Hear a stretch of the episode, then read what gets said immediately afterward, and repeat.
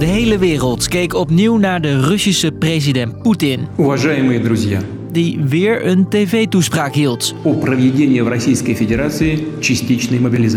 Er kwam van alles voorbij. Bijvoorbeeld een oproepplicht voor Russen om het leger in te gaan. En die woorden maken indruk. Eh, dat kun je bijvoorbeeld zien aan de zoektermen die eh, nu veel worden gezocht op Yandex, de Russische Google. Dat zijn dingen als hoe kom ik weg uit, uit Rusland en ook bijvoorbeeld hoe breek ik mijn arm. Wat zei Poetin nou eigenlijk? En wat betekent dit voor de oorlog in Oekraïne? Ik ben Jasper en dat leg ik je uit. Lang verhaal kort. Een podcast van NOS op 3 en 3FM. Мною принято решение о проведении специальной военной операции. Ook al spreek je geen Russisch, misschien herinner je deze woorden nog wel. Dit was de vorige speech van Poetin, 24 februari. En die ging de hele wereld over. Breaking news this morning. It's war. Oorlog in Europa. What seemed unthinkable in the 21st century is now underway. Ineens kondigde hij de invasie in Oekraïne aan. Wij werden ook wakker geschrikt door twee forse explosies. Nu, bijna zeven maanden later, komt Poetin opnieuw met een tv-toespraak.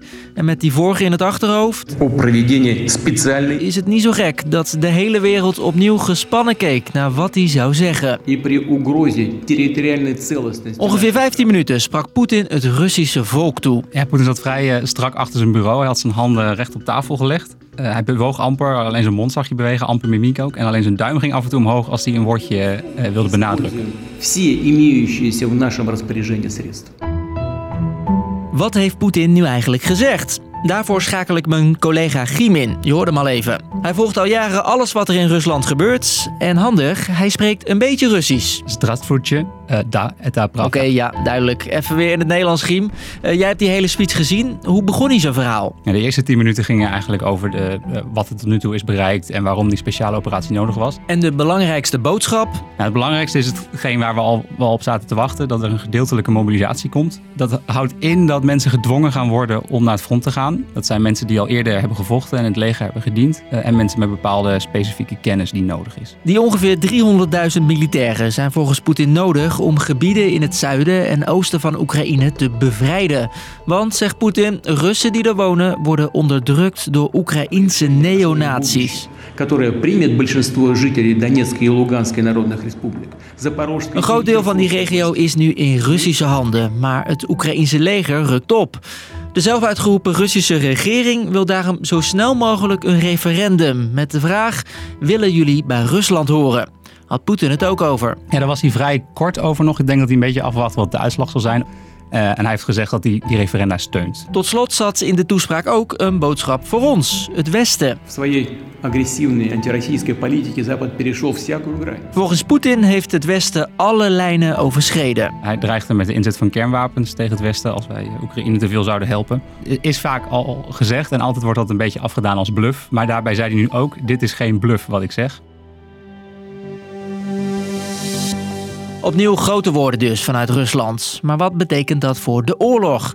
Verslaggever Sander van Hoorn is in Kharkov. En volgens hem is Oekraïne niet echt onder de indruk. Ze zagen het aankomen. Reactie zojuist van een Oekraïense parlementariër. Zij zegt, uh, we hebben gezien dat Poetin 55.000 militairen verloren heeft in Oekraïne. En zijn antwoord is dan 300.000 extra militairen sturen. De man, zegt zij, is volledig de weg kwijt. En zo reageerde onze eigen premier Rutte. Is uh, Poetin in paniek niet levensgevaarlijk? Dat denk ik niet. Uh, want het is ook niet in belang van Rusland om weer rare dingen te doen. Uh, dan hebben ze ook een heel groot probleem. Alleen dat referendum, waar ik het net al over had, dat zit nog niet helemaal lekker. Dit zegt onze minister van Buitenlandse Zaken, Wopke Hoekstra, daarover. Het is gewoon land wat bij de staat Oekraïne behoort, uh, waar Rusland niks te zoeken heeft. Want de uitslag van dat zogenaamde referendum, dat weten we eigenlijk al wel. Vertelt Giem. We kunnen er wel vanuit gaan dat er ja wordt gestemd. Alleen al omdat er amper Oekraïners meer in die gebieden zijn en de mensen die zijn achtergebleven deels gedwongen worden ook om te gaan stemmen. Niet zo gek dus dat Poetin juist nu extra militairen oproept en nog een keer dreigt dat het Westen zich er vooral niet mee moet bemoeien. We weten ook al wel dat het Kremlin dan akkoord zal gaan met de uitslag, dus dat die delen bij Rusland worden gevoegd. Iedere aanval op die gebieden, dat wordt dan gezien als een aanval op Rusland zelf en dan zouden er zwaarder teruggeslagen kunnen worden. En hoe kijken ze in Rusland eigenlijk naar alles wat er nu gebeurt? Ik heb wel een aantal signalen dat we zien dat mensen in paniek raken en er zorgen over zijn dat ze naar het front worden gestuurd.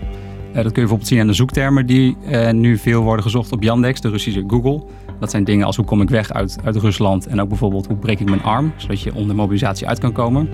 En ook het aantal vliegtickets naar het buitenland, die zijn nu uitverkocht al voor de komende dagen. Dus, lang verhaal kort. De Russische president Poetin gaf opnieuw een tv-toespraak. De vorige keer dat hij dat deed, kondigde hij de oorlog in Oekraïne aan. Deze keer riep hij Russen op om verplicht het leger in te gaan en noemde hij het Westen opnieuw een grote dreiging.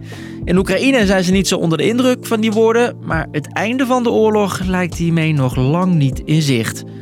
Was de podcast weer? Elke werkdag rond 5 uur vind je een nieuwe aflevering in je app. Bedankt voor het luisteren. Doei!